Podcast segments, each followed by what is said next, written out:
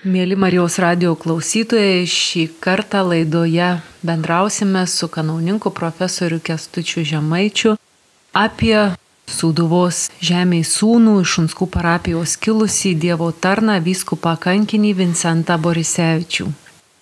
Mėly Marijos radio klausytojai, sveikinuosi su jumis.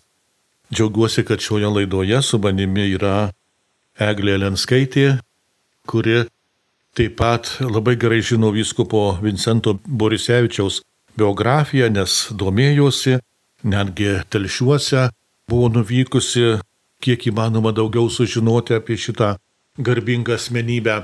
Apie daugelį Lietuvos iškilių asmenų galima sakyti, na, galbūt net ir apie kiekvieną žmogų. Galima sakyti, kad jo gyvenime dažnai tokie dalykai labai stipriai suveikia, tai yra pasirinkimas į vieną ar į kitą pusę. Prasmė, kartais beprasmybė. Pasirinkimas, nes beveik nebuvo įmanoma nuo metu, kai gyveno vyskupas Vorisevičius likti neutraliu tos brutalios ideologinės aplinkos sąlygomis. Prasmė tai noras, bandymas, kiek įmanoma išlaikyti jau susiformuotą tikėjimo patirtį, tautinės vertybės, o beprasmybė tai ne kas kita kaip žmonių, nepatikusių okupaciniam režimui naikinimas. Na, toks moralinis gniuždymas, noras palaužti dvasę, pakeisti įsitikinimus, ar tiesiog jų jų naikinimas. Ir iš tikrųjų kyla klausimas, ar tuo met pasipriešinimas tiek nacijų, tiek sovietiniam režimui pasirenkant kartais netgi mirtį, galėjo būti prasmingas, juk tai tarsi nykštuko rankos pakėlimas prieš milžiną, kuris tuo jau silpnesnį sutryps. Bet ir Dovydas laimėjo prieš Galijotą. Štai kaip galima būtų svarstyti, jei tauta ir jos iškilieji asmenys nebūtų turėję savigarbos, dar labiau meilės ir ištikimybės dvasios, o ypač galvoja, kad auka už tiesą ir teisingumą nelygioje kovoje būtų beprasmi. Jie tikėjo, kad kova už tiesą tikrai nebus beprasmi. Štai tokių motyvų skatinamas liko nepasitraukęs į vakarus ir telšių vyskupas Vincentas Borisevičius, pergalės prieš blogį džiaugsmu gyvendamas, jis tarsi tas nykštukas nepakluso piktam milžinui, bet istorija įrodė, kad iš tikrųjų nykštukas buvo milžinas, o milžinas tik praeities šmėkla. Vincentas Borisevičius gimė 1887 metais lapkričio 23 dieną Vilkaviškio apskrities Paežerių valščiuje Bebrininkų kaime Šunskų parapijoje. Jis mokėsi Petrapilio Šventos Kotrynos gimnazijoje, vėliau Seinų kunigų seminarijoje, taigi ir Seinuose, toje gražioje Dzūkų žemėje, yra įmintos garbingojo Dievo tarno pėdos. Vėliau mokėsi Friburo universitete Šveicarijoje, buvo pašventintas kunigo, dėl kunigystės šventimų vietos kilo gana įdomi tokia istorinė diskusija. Kai kurie šaltiniai teigia, kad jis buvo pašventintas kunigo toje pačioje Šveicarijoje, kiti šaltiniai liūdija apie Seinus, kad jisai grįžo į Seinus ir buvo pašventintas kunigo, tačiau galutinai jis teko išsiaiškinti, kad kunigo Borisevičiaus kunigystės šventimai buvo suteikti Austrijoje. Tai yra tikras faktas. Po šventimų kunigas Borisevičius vikaravo Kalvarijoje, buvo rusų armijoje kariuomenės kapelionų, atstovų Petrapilio lietuvių Seime, na, o po 18 metų Vincentas Borisevičius Marijampolės valstybinės ir privačios gimnazijos kapelionas. Na šitas Marijampolės periodas viskopo gyvenime yra gana sudėtingas, įtemptas ir iš jo jau pareikalavęs daug jėgų ir sveikatos. buvo dvi gimnazijos. Žiburio gimnazijoje, kur, kaip amžininkai sako, viskupas buvo nešiojamas ant rankų dėl jojo autoriteto, dėl jojo įsimokslinimo. Na, o realinėje gimnazijoje kartais mokiniai buvo net iš šalies pakurstomi, kad nesimelstų, maldos nekalbėtų, nesidomėtų religijos dalykais, kad prieštarautų, kad pamoką sugriautų. Ir štai čia viskupas ilgai neišlaikęs turėjo atsistatydinti iš šitos gimnazijos kapelionų pareigų. Šitame Marijampolės poros metų periode viskupas pasižymi ir tuo, kad jisai dalyvauja Lietuvos valstybės darbe, tai yra konkrečiai Marijampolės savivaldos kūrime. Į Marijampolės savivaldą buvo išrinktas ir Borisevičius, kuris dalyvavo įvairiuose posėdžiuose, sprendžiant socialinius, ekonominius, finansinius, būtent Marijampolės krašto reikalus ir, na, vienu metu Borisevičius netgi vadavo miesto tarybos pirmininką. Taigi vėlgi jo toksai nuopelnas, kad jisai neatsisako darbo valstybės savivaldos labui. Vėliau Borisevičius iškeliamas į Gižus, kur 19 metais iš Seinų Lenkų išvytoji lietuvišką kunigų seminarija, pabuvusi tris metus įpliuose, buvo apsistojusi Gižuose. Ir čia Borisevičius tampa profesoriumi seminarijos ir dvasios tėvu. Ir štai būtent, na, tame laikotarpyje, keletos metų laikotarpyje, besimokę klierikai gavo, na, tą Borisevičiaus dvasę, jie buvo jo formuojami. Matote, kunigų seminarijoje yra daug pareigybų. Rektorius, ekonomas, dvasios tėvas, Ir manyčiau, kad viena iš pačių svarbiausių, galbūt pati svarbiausia pareigybė tai yra dvasios tėvo, nes jisai tiesiogiai prisiliečia, artimiausiai prisiliečia prie būsimojo kunigo ir formuoja, jeigu rektorius daugiau formuoja tą tokią tarsi visą išorinę struktūrą, tai dvasios tėvas įsibrauna, jeigu klierikas atviras į pačius giliausius jausmus ir bando jį formuoti, nukreipti tam tikrą linkmę. Na, vėliau įkūrus Lietuvos bažnytinę provinciją, Borisevičius yra pakviečiamas išvykti į naujai kuriamą telšių vyskupiją, nes pirmuoju telšių vyskupu tapo iš Seinų vyskupijos kunigas aukštosios panemunės klebonas, kunigas Staugaitis, Seimo narys, Seimo pirmininkas, Ir jis važiuodamas į telšius, į naują vietą, kur, na, galima sakyti, reikėjo viską pradėti nuo nulio, nes nebuvo nei kurijos, nei seminarijos, jis paprašė vyskupo Karoso, kad jam išleistų tris kunigus, tai būtent Borisevičių, kuniga Valaitį ir kuniga Juodaitį, į telšius padėti kurti visą viskupijos struktūrą. Ir taip 1926 metais Vincentas Borisevičius atsiranda telšiuose,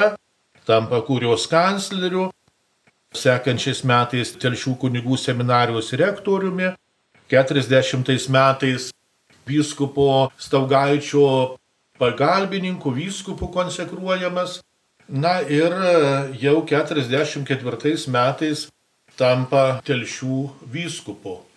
Na ir kaip priimi vis dėlto suvalkietis šio krašto žmogus keliauja tarnauti į Žemaitiją, kaip tas regioniškumas išsisprendžia, kaip jį priima. Norėjau pajokauti, jeigu suvalkiečiai žemaičius priima, tai žemaičiai gerai priėmė ir suvalkiečius. Na, Staugaitis tikrai buvo Lietuvoje didelis autoritetas, nuo šalia jo ir Borisevičius. Borisevičius buvo labai taikaus būdo, mokėjo bendrauti su žmonėmis, labai gražiai spręsdavo įvairias konfliktinės situacijas, jautriai spręsdavo ir jisai tenais tiko. Jisai tiko, jis buvo kunigų ir klierikų mylimas, jisai buvo labai arti žmonių ir arti klierikų. Ir e, Borisevičius daug turėjo įtakos kunigų seminarijai, na taip pat ir viskupijos kunigam. Kelintais metais ir kaip nutinka, kad Vincentas Borisevičius tampa Lizijos vyskupu. Berots ten 1940 metais tas momentas. Tai buvo jisai nominuojamas tituliniu vyskupu. Matote, 40 metai buvo tokie, kad jau vakarų Europą žinojo, kad bus dideli sukretimai, nes jau buvo prasidėjęs pasaulinis karas, jau Vokietija okupavusi Lenkiją, dalį Lenkijos okupavusi Rusiją. Ir iš tikrųjų turbūt šventasis sostas suprato, kad greitai nebus galima paskirti, pavyzdžiui, į Lietuvą naujų vyskupų, kažkokių potvarkių padaryti ir greitai. Todėl parinko naujus kandidatus, tiek Vilkaviškio vyskupijai labai jaunus, va tokį kaip Vincentą Padolskį, Vincentą Brisgį į Kauną, auxiliaro, na ir Borisevičių parinko telšiam, kad kuo ilgiau jie galėtų gyventi, na, dar jaunesni vyrai ir galėtų dirbti savo vyskupijose. Na ir pirmiausia, kadangi Staugaitis buvo vyskupas ordinaras, tai 40 metais tiesiog vyskupas Borisevičius buvo skiriamas, kaip minėjote, tuo tituliniu vyskupo ir telšių vyskupo pagalbininku. Na ir užverda tas bolševizmo pragaras, kas tuo met vyksta Borisevičiaus gyvenime. Iš tikrųjų, Borisevičius galėjo laisvai pasitraukti į vakarus. Šiandien mes nevienareikšmiškai vertiname įvairių žmonių pasitraukimą ir kunigų pasitraukimą į vakarus. Neįmanoma visus vienodai išteisinti arba vienodai pasmerkti, nes mes nežinom, kokiu aplinkybių skatinami ar verčiami jie pasitraukė. Štai vienas kunigas sakė, mes galvojome, kad pasitraukėme tik keliom savaitėm nuo fronto. Ir rusai sustos prie Vokietijos sienos, po to jie grįž atgal, Lietuva bus laisva ir mes vėl su tais pačiais lagaminais parvykstame į savo vietas. Bet sako, sužinojome, kad ne keliom savaitėm, bet kelias dešimčiai metų. Tačiau viskupas Borisevičius nesitraukė iš telšių, bet prasidėjus sovietmečiui be abejo jisai, na kaip ir kiekvienas žmogus, turi tą savisaugos tokį patirtį, tokią. Ir jisai taip pat buvo išvažiavęs iš telšių, nes jau sužinojo, kad jį nori sulikviduoti, tai jisai kurį laiką slapstėsi Ilgovoje, klebonijoje, gyveno tenais, da, nelegaliai ir kai koks nors kunigas nuvažiuodavo į Ilgovą. Na dabar tai mes vieni kitus puikiai pažįstam, va štai pasižiūrim, kokie viskupai dalyvavo vienuose ar kituose atlaiduose, jei ten nedalyvavom patys, tai per televiziją parodo. Ir visus pažįstame, o tada Kasgi te per daug pažinos telšių vyskupą kažkur tai. Ir jisai slapstėsi, tai užeidavo koks nors kunigas, jeigu ir pažindavo, kad čia besislapstantis vyskupas, tai tiesiog apie tai nekalbėdavo. Ir Borisevičius buvo apgautas sovietų valdžios, kad reikia grįžti, reikia dirbti, reikia bažnyčią tvarkyti kaip nors. Na ir jisai buvo įviliotas į tokius pastus, ir 1946 m. gruodžio 18 d. buvo suimtas, tardytas, paleistas kūčiuose ir jisai nuėjo pas viskupą Reinį valgyti kūčių pas arkiviskupą ir tenais tikriausiai jie du abu sutarė, kad jokių būdų negalima trauktis iš savo pareigų ir iš savo principų. Principų savo negalima atsižadėti.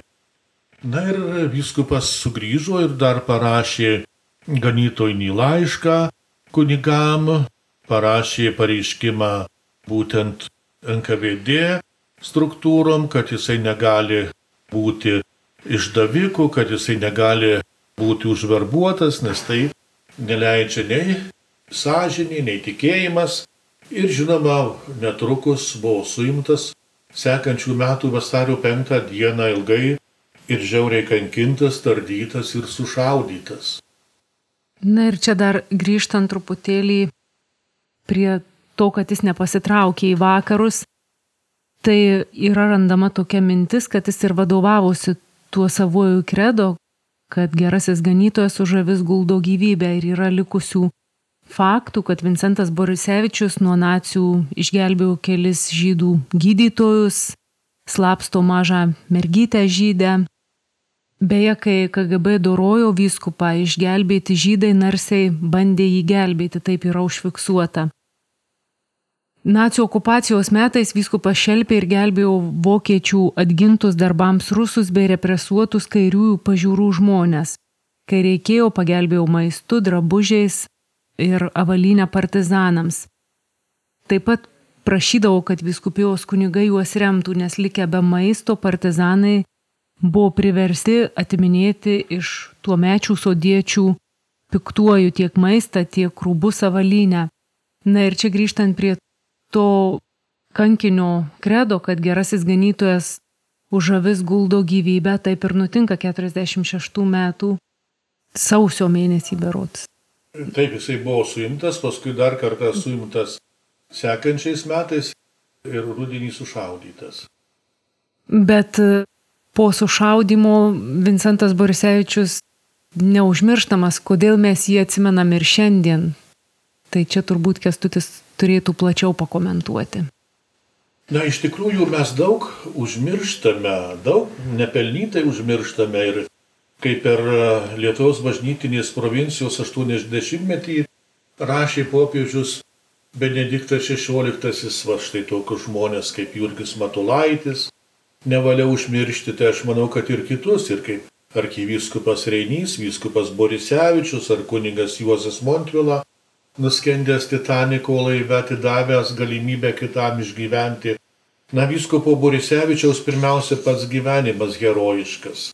Niekas nepradeda betifikacijos bylos, tai yra skelbimo palaimintuoju, jeigu nėra tų herojiškų darybių, nėra to ypatingai ryškaus tikėjimo, vilties, meilės, pagarbos kitam žmogui, didelio atsidavimo bažnyčiai Dievui.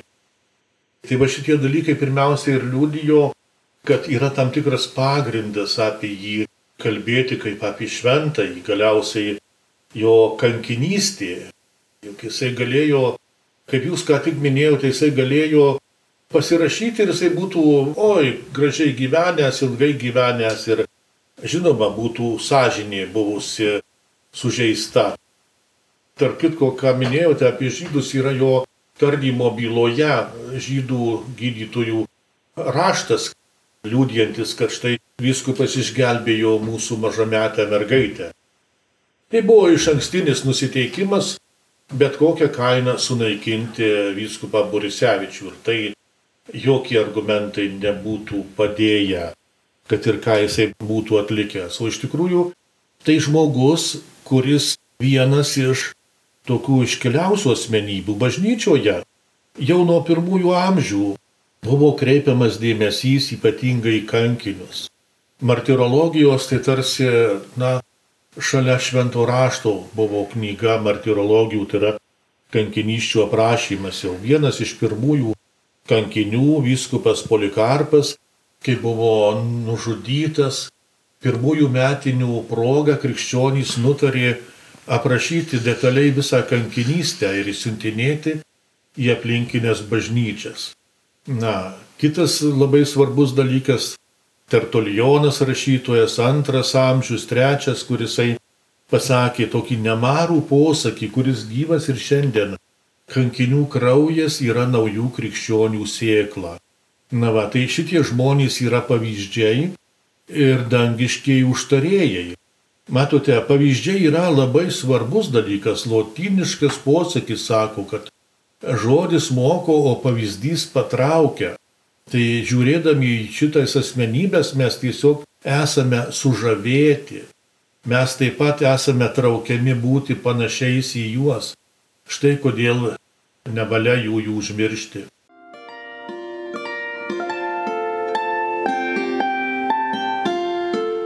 Jūs girdite Marijos radiją.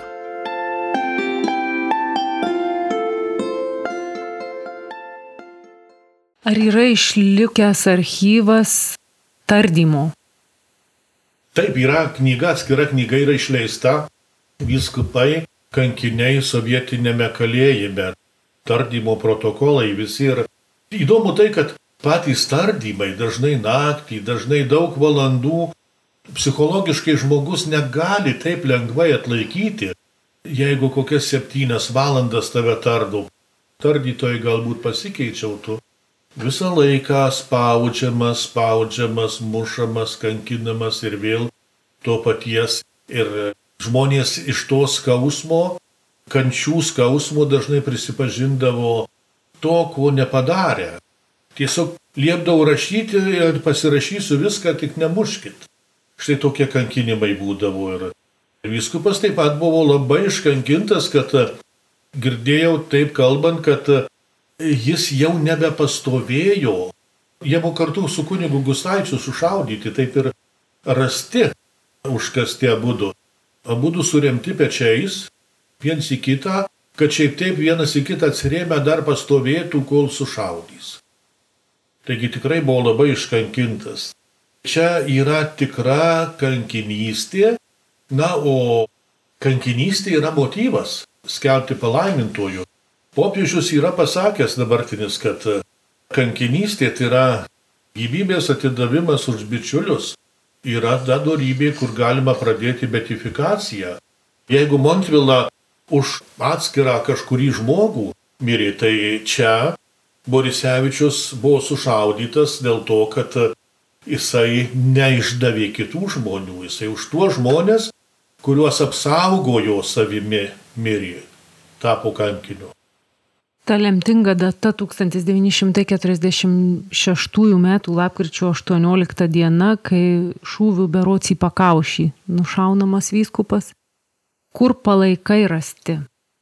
Vilniuje, taip kaip ir buvo galvojama, tenais šalia NKVD būstinės, jie buvo identifikuoti, bet svarbiausia, kad po tiek metų išgulėję, galima taip sakyti, ant tako, kur žmonės vaikščiojo, kur niekas nežinojo, kad čia tie palaikai. Jie buvo garbingai palaidoti telšių katedroje, požemyje, kriptoje, šalia vyskupo Staugaičio Ilsis ir vyskupas Borisevičius. Galbūt apie vyskupo ganytojiškus laiškus galėtumėte pakomentuoti. Na, žinote, nedaug jis yra parašęs tų laiškų. Tuo metu tas Jo paskutinis laiškas rašytas labai įdomiai, dviem parapijom vienas egzempliorius, nes pats vyskupas spausdino rašomąją mašinėlę, na, rašė po du egzempliorius. Tai maždaug 60 kartų reikia perrašyti. Pats laiškas dvelkia atlaidumu. Panašiai susišaukia jo laiško dvasia su Kristaus žodžiais. Tėve atleisk jiems, nes jie nežino, ką daro. Ir būtent tas laiškas toksai tarsi nuraminimas, jausmas, kad bus blogai. Reikės kentėti, reikės mirti, jisai tarsi pradeda Kristaus kančios kelio tą ėjimą ir tarsi testamentą parašo. Atleisti, dovanoti priešui, kad meilė turi nugalėti, nekerštas. Ir galbūt paruošė tuos žmonės, kurie jį nepaprastai gerbė ir mylėjo, kad jie nekeršytų. Tai va tas Dievo gailestingumo pavyzdys žmoguje, kaip turi atsispindėti. Aš taip tiesiog apibendrinčiau paskutinį jo ganytojinį laišką. Kiek metų turėjau praeiti, kad e, įvyktų tas betifikacijos laikas, kada byla betifikacijos užvedama, kaip visa tai įvyksta? Žinot, nesu aš čia geriausias specialistas, bet e, Žinau tik tiek, kad e, jau viskupijos procesas yra pasibaigęs ir bylos varstymas prasideda Romoje. Vis tiek praeina keletą metų. Istorijoje mes matome, žiūrėkite, Jonas Paulius II labai greitai buvo paskelbtas palaimintų ir šventuoju. Kartais praeina dešimtys metų ir dar ilgiau. Ne vien tik tai iš Lietuvos yra pateikta visai lė bylų, bet ir iš viso pasaulio tai yra sudėtingas dalykas, reikia viską perskaityti, reikia išversti pirmąjį italų kalbą, reikia perskaityti, reikia svarstyti.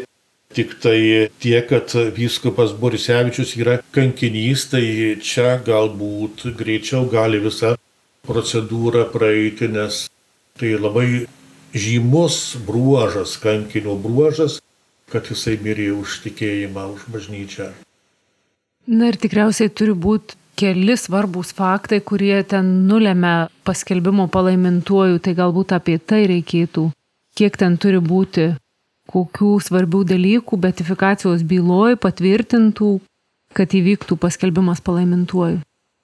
Paprastai palaimintuoju tai reikalaujama, kad įvyktų stebuklas, tačiau jeigu yra kankinys, tai nebūtina, o dokumentaliai užfiksuoti stebuklo, Jeigu yra įrodomos herojiškos darybės, jo kankinystė įrodoma, tai tada sprendžia jau speciali komisija, kongregacija ir tada jau popiežius galutinai nusprendžia, ar skelbti ar neskelbti.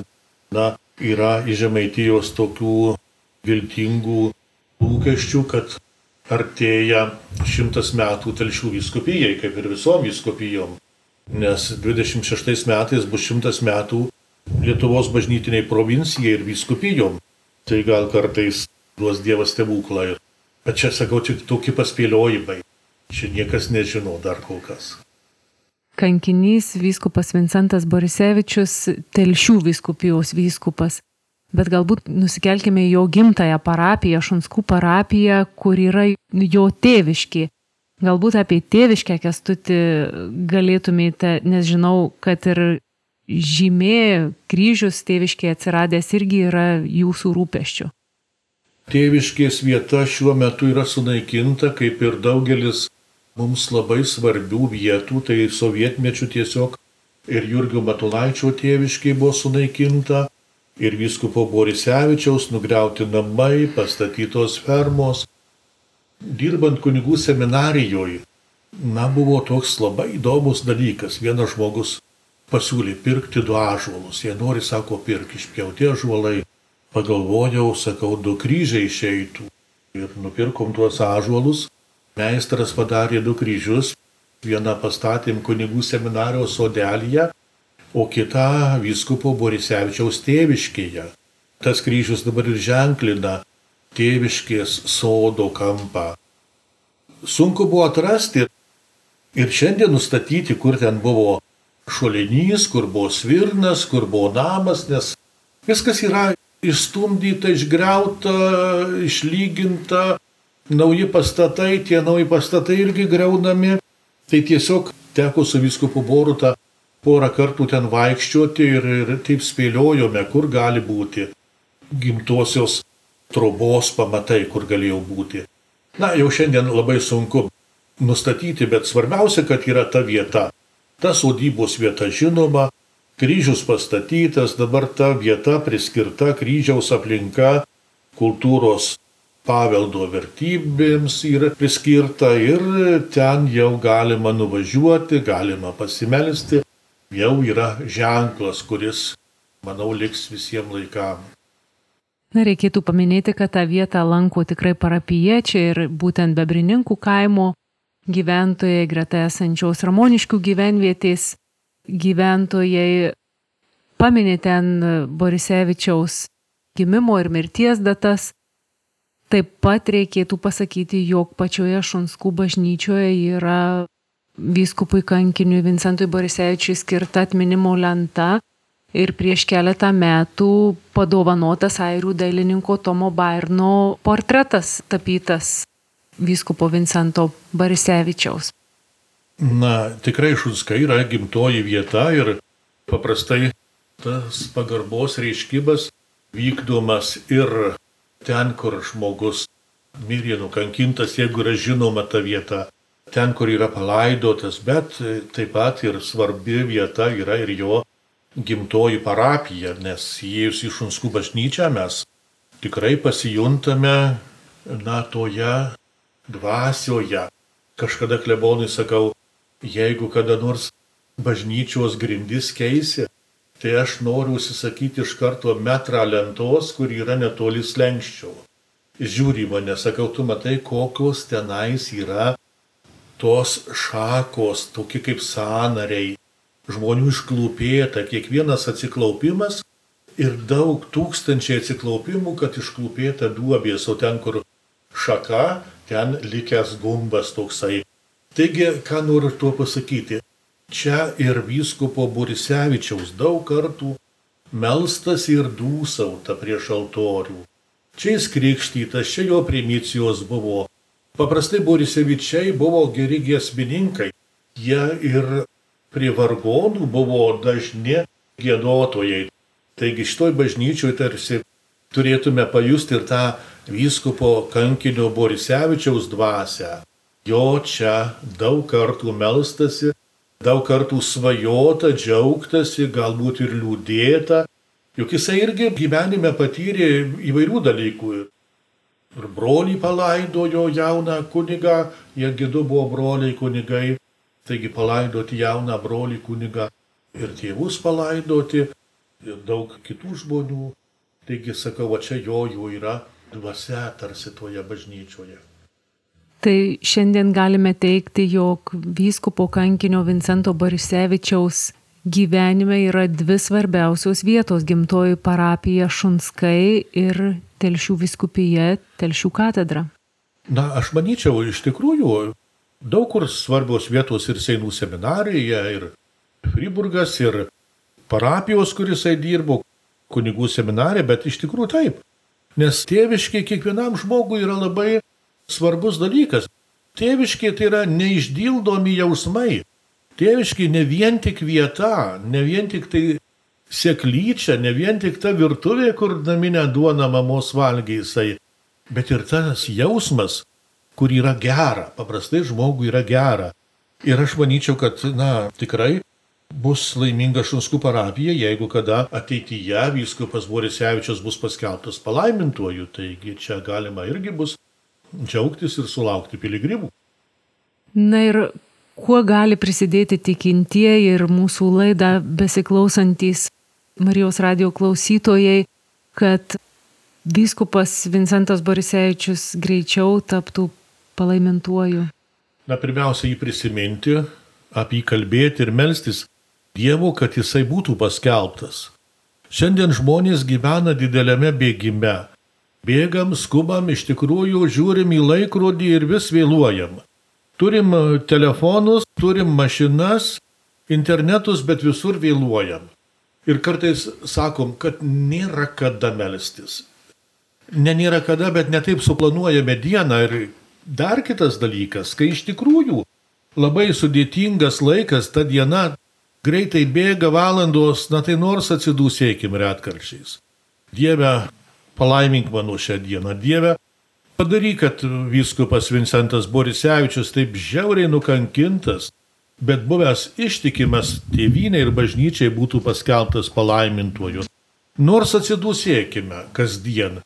Ir iš tikrųjų Dievas girdi mūsų maldas, jisai žino, ko mums reikia, o kad reikia palaimintųjų, Na, Borisevičius ko gero jau seniai pas Dievą yra palaimintasis, o gal šventasis. Bet mums reikia, kad Dievas leistų, jog jis būtų paskelbtas mums, kad mes galėtume jau jį oficialiai tokį priimti ir į jį melstis bažnyčios garbėje, kad būtų altoriaus garbėje. Tai tiesiog prašyti Dievo ir apie jį kalbėti.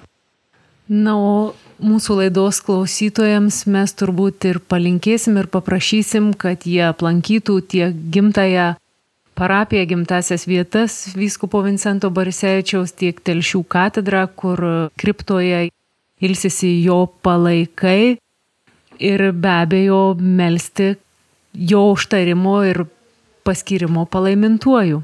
Na, aš tik galėčiau pridurti, kad mes tikrai turime daug vertų tautiečių, kurie galėtų būti paskelbti palaimintais šventaisiais ir tiesiog prašykime, kad Dievas būtų nepaprastai dosnus šioje srityje ir kad mes kuo greičiau sulauktume tų paskelbtųjų naujų šventųjų ir palaimintųjų vardų.